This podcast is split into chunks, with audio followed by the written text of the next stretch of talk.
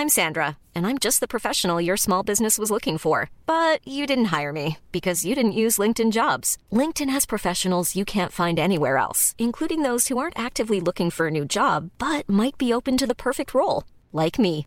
In a given month, over 70% of LinkedIn users don't visit other leading job sites. So if you're not looking on LinkedIn, you'll miss out on great candidates like Sandra. Start hiring professionals like a professional. Post your free job on linkedin.com/people today.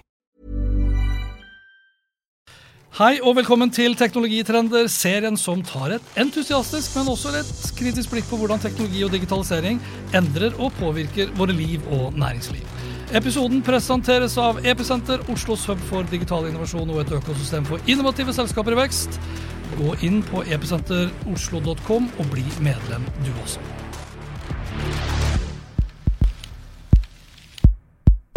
Nå skal det handle om språk og tekst. Om hvordan språket vårt og hvordan vi uttrykker oss gjennom ord og tekst påvirkes og endres av teknologien. Og For å snakke om tekst og teknologi, så har jeg selvsagt fått med meg Norges første og fortsatt eneste tekstdoktor, Kristine Calvert. ja, velkommen skal du være. Tusen takk. Lenge siden sist. Ja, altfor lenge siden. Ja, eh, julen Da skal jeg bare reminisse. Gå tilbake i tid der. Julen 2015, det begynner å bli noen år siden. Da var du gjest i podkasten Mediapuls, episode 13.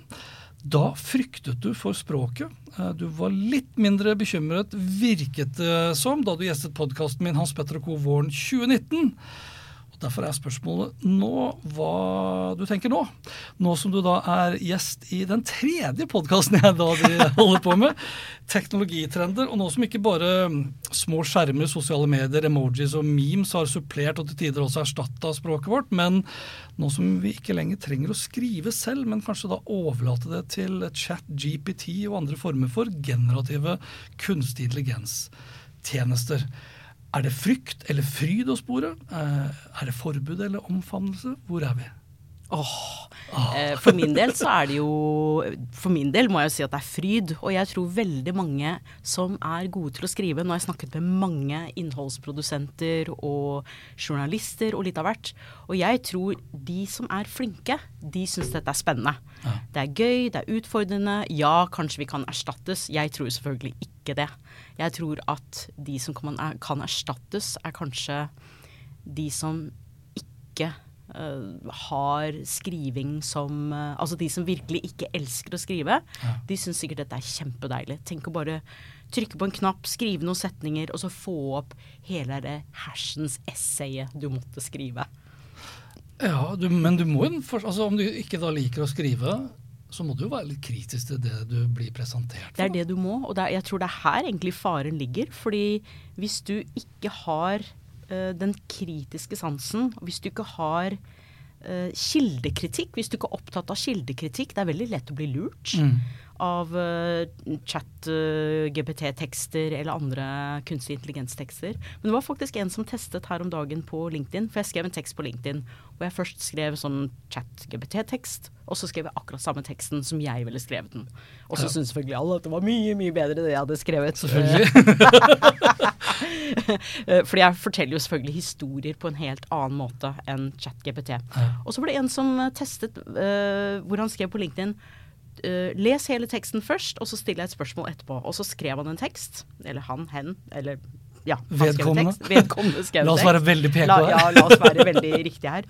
Eh, Jeg tror hen definerer seg som en han. Ok. Um, og så stilte han spørsmålet underst Tror du at dette er en chat-GBT-tekst, eller tror du det er en tekst jeg har skrevet? Eh, jeg var jo ikke i tvil et sekund. Jeg sa at dette må være chat-GBT. Og så var det en annen som også skrev enten er det chat-GBT, eller så er du utrolig dårlig til å skrive. Men så var det andre som ble veldig rørt og syntes dette var kjempefint. Og det er jo ikke noe som er riktig eller feil her. Folk oppfatter jo tekst på forskjellige måter. Ja. Men for min del så syns jeg foreløpig det er lett å se hva som er generert av ChatGPT. Og så er det litt sånn shit in, shit out, ikke sant. Hvis du fordi du er jo veldig flink til å lage sånn lange Det er vel prompts du kaller det. Lange prompts hvor du legger inn eh, masse ting. Og da får du selvfølgelig en høyere kvalitet ut enn Ja. en som bare skriver eh, Jeg testet 'skriv en tekst om eh, SEO, eh, søkemotoroptimalisering', og jeg fikk jo tidenes kjedeligste tekst. Så jeg måtte gå inn og biffe den opp med masse, og så fant jeg at der gidder jeg ikke publisere engang. Det er jo ikke jeg. Jeg er jo ikke noen Men det er ikke, så, det er ikke så rart, egentlig. Altså, hvis, du, hvis vi nå tillegger denne chat-GPT-en litt sånne menneskelige egenskaper eh, Litt farlig. Uh. Besjeling gjøre heter det. Mm. Ja, men, så, men, men vi- hvis vi da gjør det og liksom forestiller oss at det er da et oppdrag jeg gir til et annet menneske, Mm. så er det klart hvis jeg hadde sagt til deg skriv en tekst om SEO, Mm. Så er det en veldig dårlig Da ville jeg som en kommunikasjonsrådgiver sagt at det der er en fryktelig dårlig brief. Mm. Så når, når jeg snakker om, når du nevner det her med prompt, da, Mm. prompt engineers, som vi antageligvis vil se som en ganske så ny eh, arbeids... Yrkesgruppe, Ja, yrkesgruppe, rett og slett. Eh, og en prompt engineer da på mange nivåer. Det er Chat GPT eller da tekst for eksempel, er jo én ting, men Mm. du skal være rimelig bra prompt engineer for å for eksempel få noen gode Dali-bilder Mm. eller noen uh, Mubert-låter. altså Mm. Altså oppgradert med Eirik Hans Petter, som da er denne, dette YouTube-showet som Eirik Nordmann Hansen og jeg har kjørt nå i en treårsperiode. Mm. Eh, Siste episoden vi la ut nå, den eh, kommer da med ny jingle. Og den har jeg laget da. Eller jeg laget. Ja, har du? Har du egentlig? Korrigerer jeg meg selv. Jeg har skrevet tekstprompten til hvordan jeg ville at denne jinglemusikken skulle være. Mm. Og det er litt kult. Eh, men for å spole tilbake igjen. Uh, shit in, shit out, som du sier. Så du må jo du må nødvendigvis være tenker jeg da, For å få en god tekst tilbake fra en sånn type generativ kunstig intelligens, så må du jo faktisk da være ganske god til å ordlegge det. Det er det du må. Det er det Du må Du må være en god kommunikator. Du må forstå hvis, hvis jeg skal oppnå dette, hva er det jeg må mate inn for å få det jeg ønsker meg. Så, og sånn sett så kan det jo bli ganske stort skille på de som er dyktige på tekst og kommunikasjon, og de som ikke er det. Ja, Og så tenker jeg også at det kan jo være til inspirasjon til å bli bedre. Mm. Altså Igjen da tilbake til Midjourney og bilder osv. Så, videre, så blir jo også et bilde veldig godt hvis du er veldig beskrivende i denne prompten. Og jeg mangler uh, mange sånne ord som kan være med på å beskrive det godt. Og da bruker jeg ChatGPT og ber den om kan du skrive en svært beskrivende tekst om f.eks. en viking i en landsby hvor det er fjell i altså, Og da kommer det så mye detaljerte ord. Litt sånn som jeg misunner eh, folk som er virkelig vinkjennere. Noen av de tror jeg skryter på seg en del eh, beskrivende ord, men som da virkelig liksom kan smake på en vin og bruke ufattelig med ord som forklarer og forteller om denne vinsmakingsopplevelsen. Da, Mens jeg ville bare si ja, den var tørr eller fuktig eller syrlig eller Ikke sant? Men jeg, jeg kan bare skyte inn at det jeg liker best med chat eh, GPT, eller sier du GPT, eller hva du sier for noe, det er jo det at det er, så, ja, det er så mange kjedelige tekster som må skrives, og det syns jeg er utrolig Altså, hvis jeg hadde fått av oppdragsgiver, ikke det av God forbid, men uh, unnskyld at jeg sa God forbid på I en norsk eh, pod. Ja, herregud, nå, nå må vi roe oss ned. ja. Uh, um, skriv Eller sa du woke nå fordi du tenkte religiøst her, eller? Nei, nei, nei. Nei, det var bare fordi du sa engelsk. ikke sant? Nå begynte jeg å lure hvor superwoke ja. du var. uh, ja, men jeg har jo snakket med folk i innholdsbyråer som får uh, oppdrag skriv 100 oppskrifter med kylling. Ikke sant? Ja. 100 opp Og tenk så utrolig kjedelig det må være. Og tenk så deilig det er å kunne lage gode prompter på det og få opp eh, 100 oppskrifter. Så kan man bruke tid på det som er gøy. Mm. Altså litt samme som industriell revolusjon, eller hva det er man har lyst til å sammenligne med. Vi kan jo kose oss mer med tekst når det er noen som gjør det kjedelige.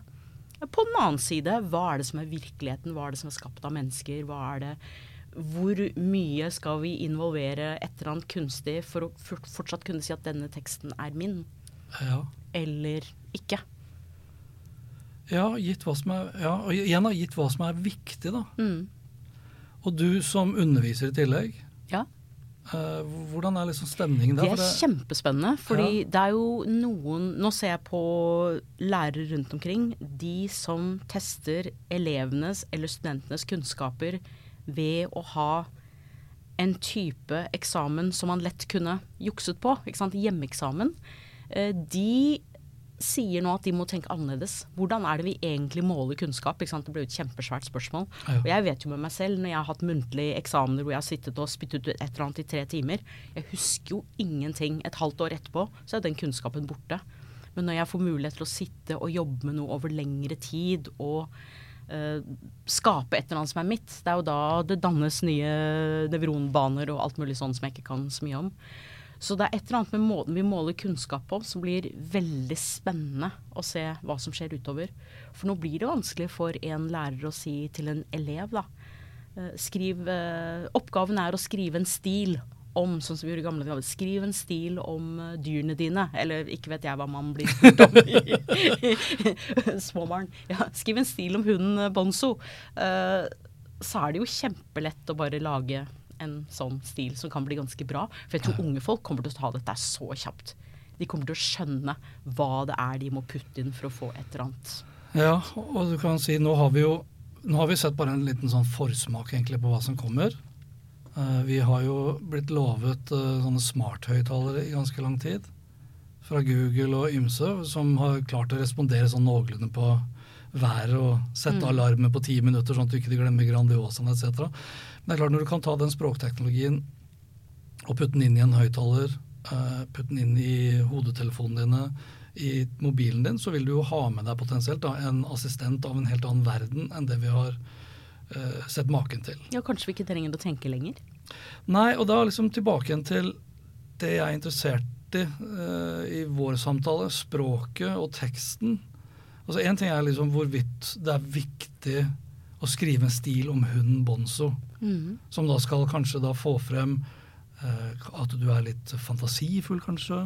Ja, at du, du kan grave i følelsene Ja. dine, og du kan ta noe og skape det til noe som gir verdi for et annet menneske. Riktig. Og det var, altså, har den verdien blitt mindre fordi vi lever i et annet Jeg tror ikke den verdien er mindre, men jeg tror at du går Altså du går ikke gjennom samme prosessen hvis du bare lager en prompt. Fordi å lage en prompt føler jeg, nå er jeg veldig på følelsesplanet, å lage en prompt er jo egentlig en analytisk prosess. Men det der å gå inn i følelsene sine, og da jeg skrev den teksten på LinkedIn Først så genererte jeg en tekst uh, på chat uh, GPT som var uh, veldig enkel. Skriv hvordan det var å flytte til USA for en amerikaner i 1975. Ja. Og så kom det I 1975 var det vanlig for amerikanere. Og så var det sånn opp, oppsummering, eller avslutningsvis vil jeg si at det var mange muligheter, men også et, sånt- et Ja, for den var en ganske bra, rasjonell bra. rasjonell tekst. Veldig rasjonell tekst. Mens du skrev noe ganske så Og så skrev jeg på en helt annen måte. Historiefortelling. Kutte setninger. Formatere. Eh, tenke på hvilke knapper er det jeg har lyst til å trykke på her. Og så var det jo følelsesmessig for meg å gå tilbake til å tenke på hvordan var det faktisk å sitte i et klasserom og ikke kunne snakke norsk. Og ikke vite helt hva som foregikk rundt meg. eh, og bli forsøkt mobbet. Jeg var jo veldig flink til å slå, da, så jeg slapp unna det verste. Men å bli forsøkt mobbet ikke sant, i fri, friminuttene mens noen gjorde noe andre så på. Ja. Og det tror jeg skal litt til for å, um, å mate inn godt nok. Fordi hvis du ikke har opplevd det, hva er virkeligheten da? Du kan, jeg kan selvfølgelig late som jeg har opplevd noe, men kan jeg lage en god tekst om noe jeg ikke har opplevd, bare ved å si uh, uh, Skriv en tekst om altså man sier sikkert ikke det, men skriv en tekst om å ha anoreksi når du er tolv år og jente og et eller annet. Nå har ikke jeg opplevd det da, selv. Og jeg vet ikke om det vil bli litt bra, fordi jeg kan ikke leve meg inn i hvordan det er å ha en sykdom, da, eller å ha opplevd eh, et eller annet fælt, eller et eller annet kjempebra.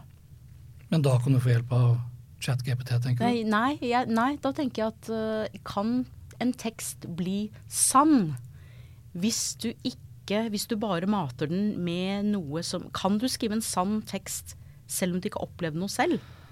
Kan jeg skrive en tekst om hvordan det er å være i Ukraina og være kjemperedd når jeg ikke har opplevd det selv? Eh, Kan jeg generere en tekst som forteller hvordan det er å være Ja. ja. Ja, nå er det jo egentlig ute på litt sånn uh, Litt filosofisk uh, Ja, og litt Mm. sånn dokument... Altså en, en slags, det, har, det har dukket opp litt nye sånne dokumentarer, dok, dokumentarsjangre som er litt lemfeldige da med hva som er sant og ikke, da. mm. Men det, det er å Og det kan også være greit, hvis Ja, ja. premisset er at nå lager Riktig. vi ja. Så det spørs jo hvordan, hvordan rammen er rundt uh, en tekst, Ja. f.eks.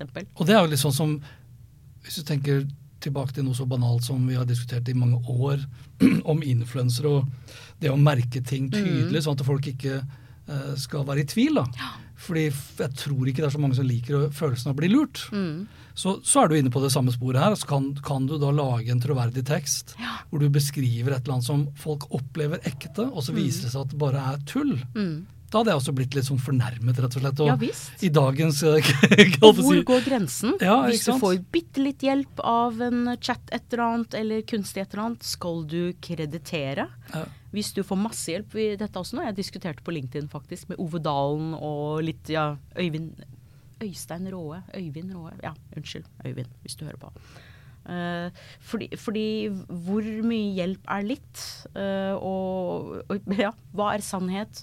Og i hvert fall alt dette med kildekritikk. At vi som eh, mennesker som tar imot masse kommunikasjon rundt oss, at vi må være kritiske. I hvert fall tenke gjennom hva er det som egentlig er sant. da. Du, også har vi også snakket, du og jeg, før vi, forrige gang vi traff hverandre, om det her med klasseskiller. Eh, og det nevnte jeg så vidt for min mamma før jeg kom hit. For jeg sa at teknologien, hvis du er helt utenom det som skjer nå rundt oss, vil det da bli et skille mellom de som vet og de som kan, og de som ikke vet og ikke kan. Og det har det for så vidt alltid vært, hvis man, uten at vi skal gå inn i sånne politiske greier her.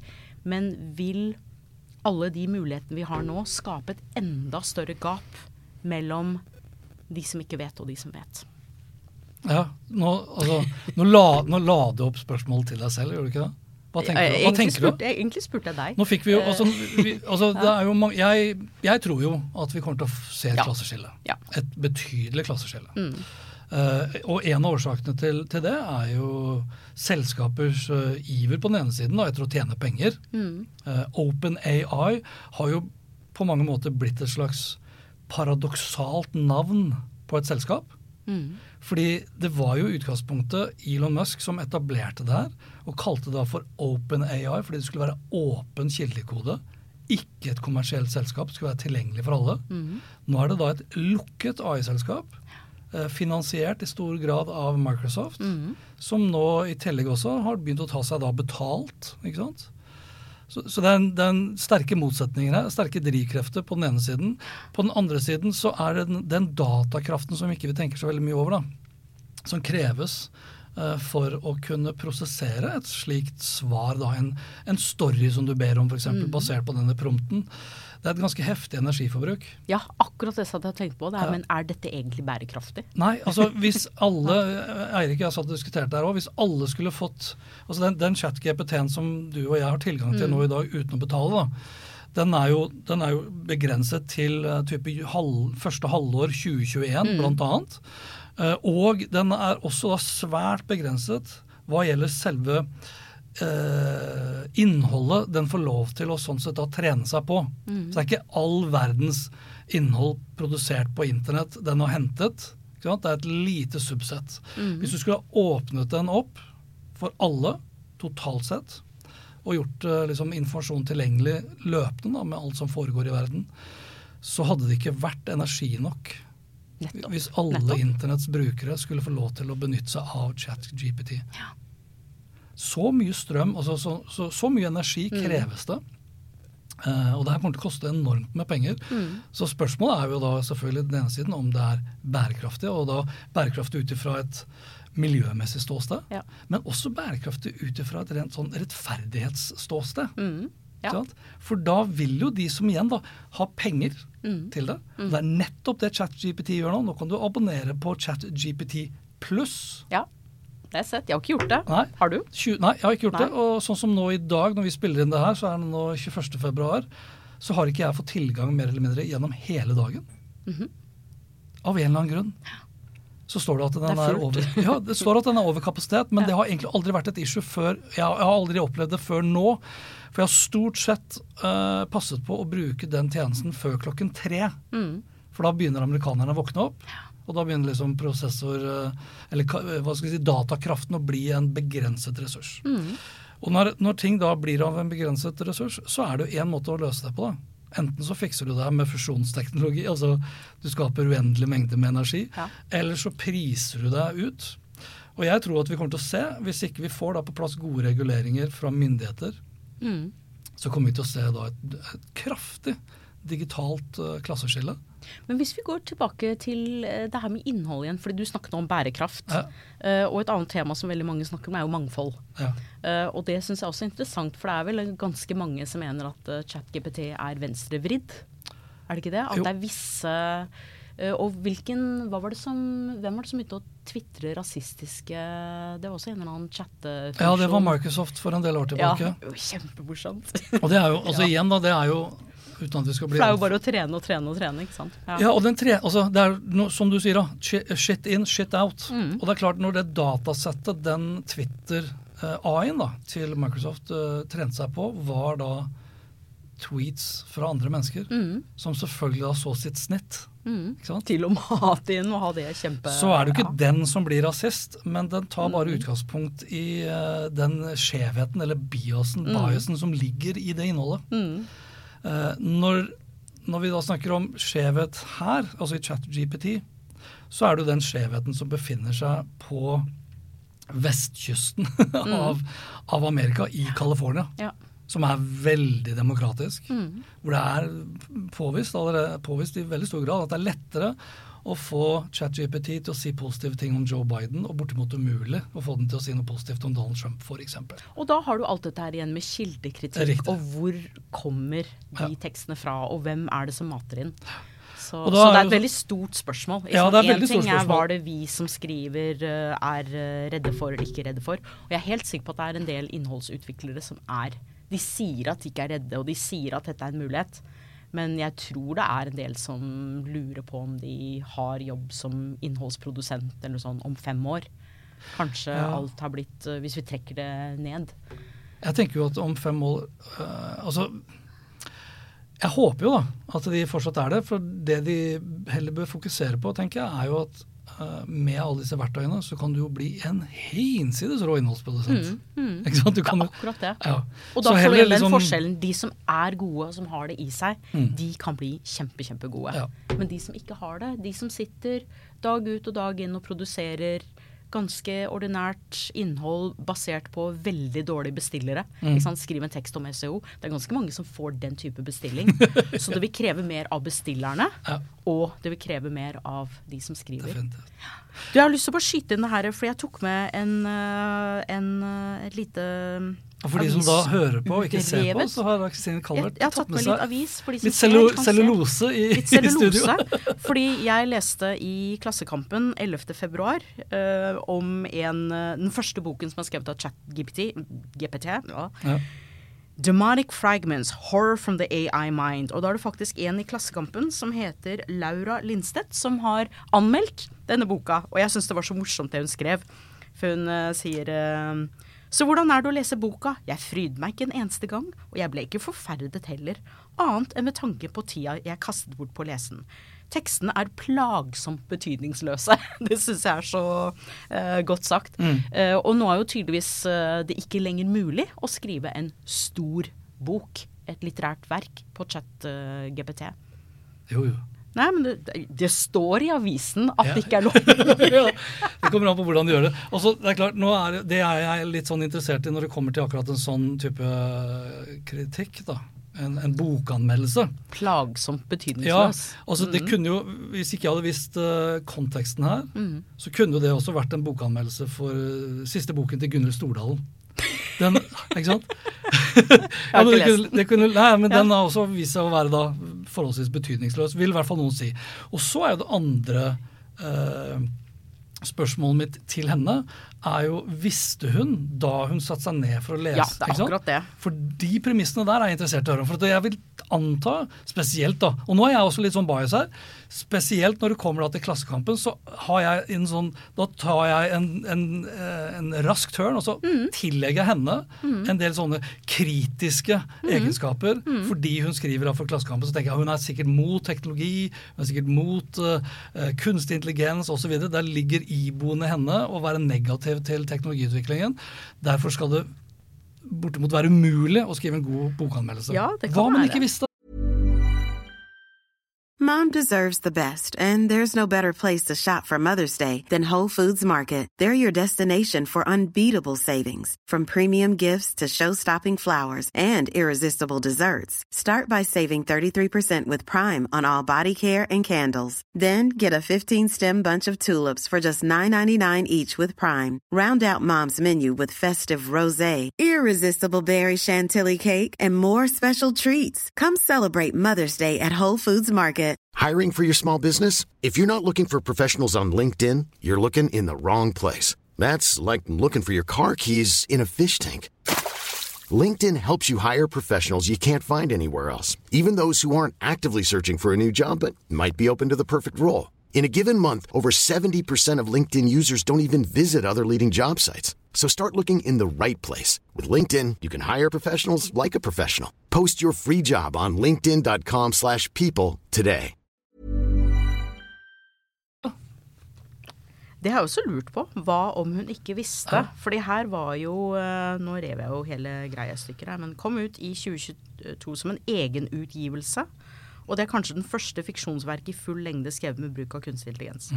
Litteraturforskeren vil bli interessert, og det er klart at vi har jo alle våre forutsetninger og forutantagelser og, og når du Men sånn som den teksten som jeg leste på LinkedIn, hvor uh, han skrev 'les teksten først, og se spørsmålet ditt etterpå'. Ja. Jeg leste to setninger, og så tenkte jeg det her må jo være generert av et eller annet. Men det kan hende at det er fordi mange snakker om chat-GPT. Jeg hadde akkurat skrevet en tekst selv. Det er jo Vi vet jo aldri helt hvorfor vi tror det vi tror. Nei. Så, og det har jo vært ganske gøy opp gjennom tiden å se hvordan folk anmelder noe som faktisk er lagd av maskiner, eller ikke, ikke ekte i anførselstegn kunst. Vi hadde vel og det var vel ikke da ChatGPT, hvilken teknologi de hadde brukt da for å skrive det, her, det husker jeg ikke, men det var for et par år siden en bok skrevet av kunstig intelligens som eh, var i ferd med å vinne en sånn pris. Det stemmer. Jeg husker ikke hva det var. Nei. Jeg bare husker vagt at jeg har hørt, Og hørt så om det. det, så Jeg tror det var i Japan, hvis ikke jeg tar helt feil. Mhm. Og så har det jo vært forholdsvis stille til vi hadde da eh, dette Midjourney-bildet for eh, halvt års tid siden, som vant da en konkurranse i et sånn maleri. Mm. Og da visste man heller ikke før ikke sant? Da visste man ikke før konkurransen var avsluttet at dette var et bilde vunnet da, eller laget da av Ja. kunstig intelligens. Og når- tenk deg Melodi Grand Prix, bare for å trekke det Ja. en helt annen, fordi du vet jo at jeg har skrevet en sang om deg. ja. Det var grusom. Jeg kan fortelle lytterne våre, jeg matet inn 'Skriv en sang om Hans Petter Nygaard Hansen'. Uh, og det kom bare 'Du er så legendarisk, en digital geni'. Det står så mye, mye rart der. Og så rimte det ikke heller. Og så prøvde Nei, jeg en gang til med. 'Skriv en sang som rimer'. Uh, ble ikke så veldig mye bedre. Så, Nei, og igjen da, jeg er jo ikke så på jakt etter Men du er legendarisk. Det klarte han i hvert fall å plukke opp. ingen som helst måte. Jeg skrev, hvis jeg skal være litt sånn, hva heter det, Uh, hvis jeg skal være litt morbid, jeg ba jo ChatGPT å skrive en nekrolog. Om deg selv. Mm. Oi. Var du fornøyd? Uh, det var en del av det som var riktig. Ja. Uh, den hadde ikke fått med seg hvor mange barn jeg hadde. Nei, Så jeg var litt skuffet egentlig på vegne av eh, min eldste datter. Men det var en del som var riktig, og en, del som var sånn selvfølgelighet riktig. Mm. Altså sånn, Nesten sånn som da jeg gikk på barneskolen, så hadde vi husker du når vi skulle skrive en story, så lot vi enkelte adjektiver og superlativer stå åpent. og ja. Det var jo kjempegøy. Det var kjempegøy, Ja. ikke sant? og det hadde man jo opp til ungdomsskolen og sikkert litt inn i fylletider. etc. Men jeg fikk, jeg fikk den følelsen at det var en slags oppskrift som var lagt, og så bare fylte man på etter hvert som man fant da informasjon. og Det er litt sånn som, det er jo Ja. litt sånn denne formen for kunstig intelligens også fungerer. også Den Mm. prøver å predikte eller forutse hvilket ord vil matche og passe inn nå, Mm. etter hvert som jeg begynner å skrive, basert da på den prompten Mm. som vi da har gitt. Og da jeg første gangen jeg skrev den prompten, og ba om en nekrolog, Mm.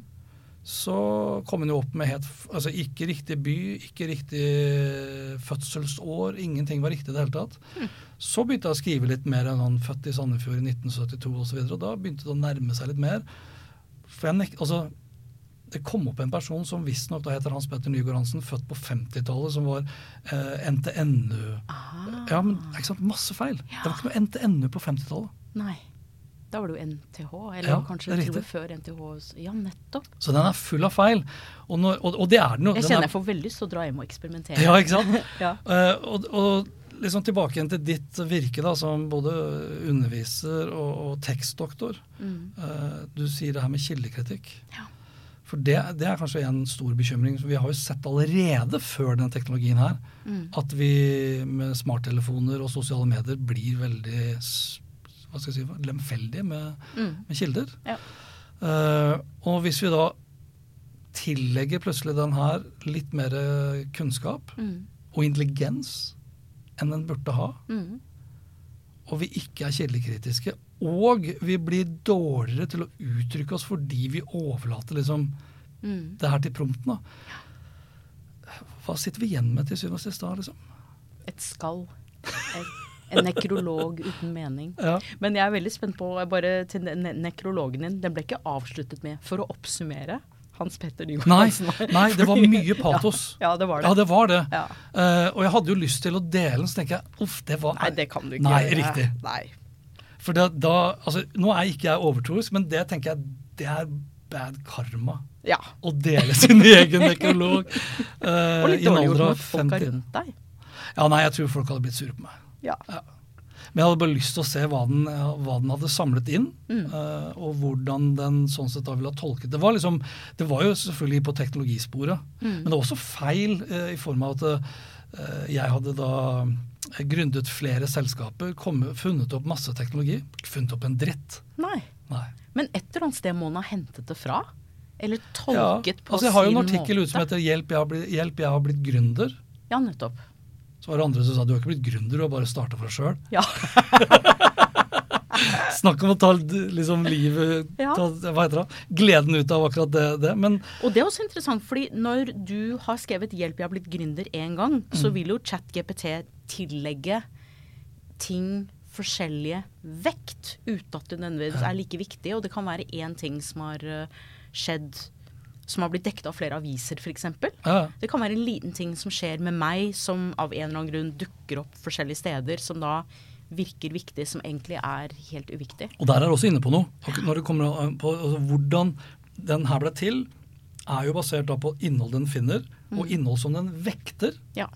på hva den anser å være troverdig, godt indeksert innhold, versus det som ikke er det, f.eks. Altså, for det er klart, hvis den hadde plukka opp eh, masse info om eh, meg eh, delt av folk som misliker meg sterkt fra Kvinneguiden, f.eks., Ja.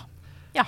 hvor det står at jeg, hele bransjen ler av han, han er helt ubrukelig osv., så, så kunne det blitt en ganske annerledes nekrolog. Eller den gangen du og jeg fikk masse Twitter-hat. Ja, ja. det? det viste jeg, Den plakaten viste jeg til studentene her om dagen og fortalte bare en historie om at ja, du og jeg skulle holde foredrag sammen, og så var det en sånn gjeng som Ja. syntes at vi var helt håpløse, og jeg syntes jo dette var kjempegøy, og begynte å dere må komme på pizza, og ja. Så, så eh, Og det var en som skrev ja, det er akkurat det de har vært, null kroner og helt ubrukelig. Ja.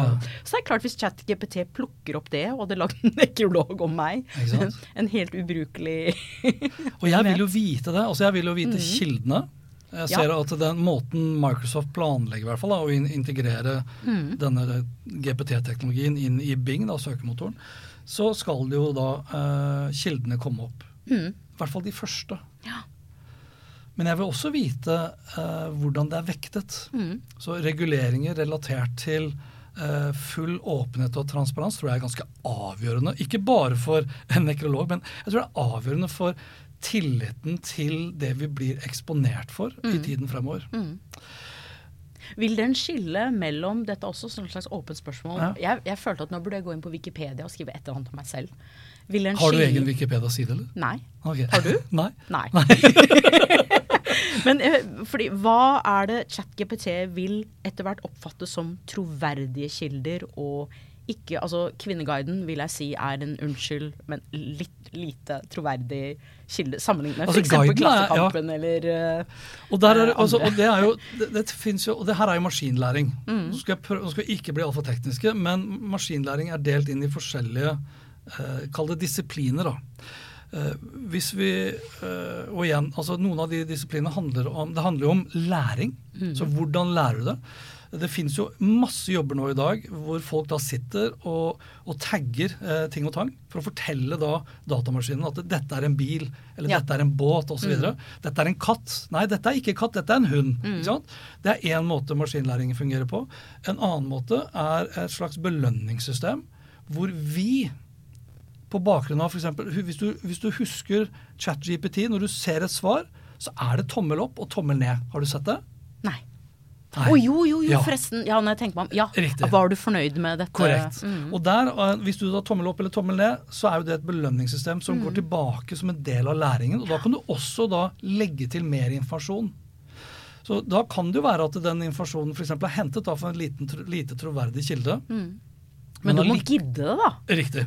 Jo, men det er samme, det er samme som måten eh, feeden på Facebook fungerer. Ja. Du viser Ja. Det Du du, kan ikke bare sitte sånn, det, er ja. nesten, det er nesten den samme type diskusjon som når folk da sier 'Å, fy faen, det er forbanna driten det viser på TV'. Så sier folk 'Ja, men du kan jo bare skru det av'. Så, det, slag, altså, men det er bare at da lærer ikke NRK av det. Men Facebook lærer av at du f.eks. Uh, reagerer med en tommel opp, eller at du ler, eller at du kommenterer, eller at du klikker på de tre eh, prikkene og skriver at 'jeg vil ikke se mer av dette her', 'jeg vil slumre i det 30'. Alt det her er med på å, å gjøre algoritmene, som er en del av maskinlæringen, bedre. Så det er, det er en uskreven kontrakt, nærmest. da. Ja. Så da bør vi kanskje ta på oss det ansvaret ja, også det. for chat-GPT og Ja. andre tilsvarende. Yes. Men så blir vi lei av det, og det er sånn hvert eneste gang jeg har vært på hvert eneste gang, Hver gang jeg har vært på hotell. Hva syns du om oss? Ja, jeg har vært på? Elkjøp. Hva syns du om uh, Og så spørs det gidder vi? Gidder vi å bruke den tiden vi burde brukt på å lære opp kunstig intelligens til at vi får kvalitetsresultater? Og, og så kan vi jo like gjerne gå inn og gi masse tomler opp til dårlige ting. Altså Vi kan ødelegge så mye vi bare vil. Så det krever jo mer av oss som mennesker. Eh, og tilbake igjen til den kildekritikken, for det tror jeg de har blitt mye flinkere til i barneskolen enn da jeg var barn, i hvert fall, som jo er veldig lenge siden. veldig mye lenge siden enn deg også. Uh, så så uh, det, blir- det der kritisk tenkning, kanskje til og med filosofi, å tenke gjennom Ja. den type ting blir viktig. Det sier også er det verdens World Economic Forum, som snakker om liksom hvilke skills man bør ha, hvilke kunnskaper man bør ha ja. i løpet av de neste ti årene. Så er jo det her med kritisk tenkning, dypere analyse, drøfting. Ja. Så igjen Og drøfting er synd hvis du kan slippe unna å drøfte med å skrive et eller annet Ja. på ChatGPT. For drøfting handler jo om Det er jo ekstremvarianten av eh, I hvert fall for studentene mine. De syns det er kjempevanskelig å drøfte. ja, drøfte, resonnere. Ja. uh, På få nye side, på den andre, Ja, nyansere. Hente inn en rød tråd herfra og derfra for å Ja. få en skikkelig god drøfting. Og det er jo det studentene syns er vanskeligst, og det er noe de må trene på. Mm. Ja. Og foreløpig så kan de trene på det, men vi vet jo ikke hva som skjer f.eks. med bacheloroppgaver. Nei. Det er klart at hvis du kan bestille en bacheloroppgave, og så kan du gå inn, forfine, lage mm, resultater basert på, på det en kunstig intelligens har satt. Så spørs det altså Er det i det hele tatt vits i å ha bacheloroppgaver og masteroppgaver, og kanskje man må tenke helt, helt annerledes. Er det ikke litt sånn som når folk har, øh, tar doktorgrad, så må de jo avlegge Altså Du må rett og slett satse på mer muntlig Ja, ja. Bevisførsel av den kunnskapen du har Mm. Du påstår du har, da. Ja, og det ser vi f.eks. på studenter. Hvis vi har tre stykker som har skrevet en bacheloroppgave, og den ene ikke har vært med noe særlig, så blir jo den personen, han, hun, hen, whatever, avkledd med en gang. For du vet at de kan det ikke. Så kanskje det blir mer muntlige eksamener etter hvert. For da er det vanskeligere, og hvis ikke vi får små propper inn i ørene og sånne ting, så blir det vanskeligere å Ja, ja. jukse seg fra det. Så kanskje også muntlig fremstillingsevne blir viktigere fordi vi er nødt til å på en eller annen måte validere hva som er eh, sant og ikke sant. Hva er det som er selvprodusert, og hva er det Mm. noen andre har gjort. Avslutningsvis. For å oppsummere. som ChatGPT. Jo, men sånn, du er i ferd med å konkludere litt her. Mm. Hvis du øh, Hvis vi skulle sånn da rundet av øh, Du virker Jeg oppfatter deg til å være positiv til den teknologien. Ja. Ja. Men jeg føler også at jeg kan ikke annet, fordi den er jo her. Så det å gå rundt og være negativ og si dette, altså det har ikke noe hensikt. Nei. Så det er jo helt uinteressant for meg egentlig om Ja, jeg syns vi må bare Det fins. Hvilke muligheter gir det oss som mennesker for at vi kan bli bedre, bedre mennesker, og at livet kan bli bedre for uh, alle menneskene rundt oss.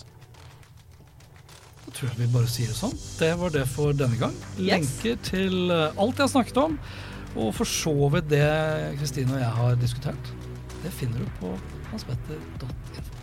Hvor skal vi si ha det nå? Hei da. Ha det. Ja, hvor skal vi si ha det? det er så mange kamera her. Hei, hei, hei.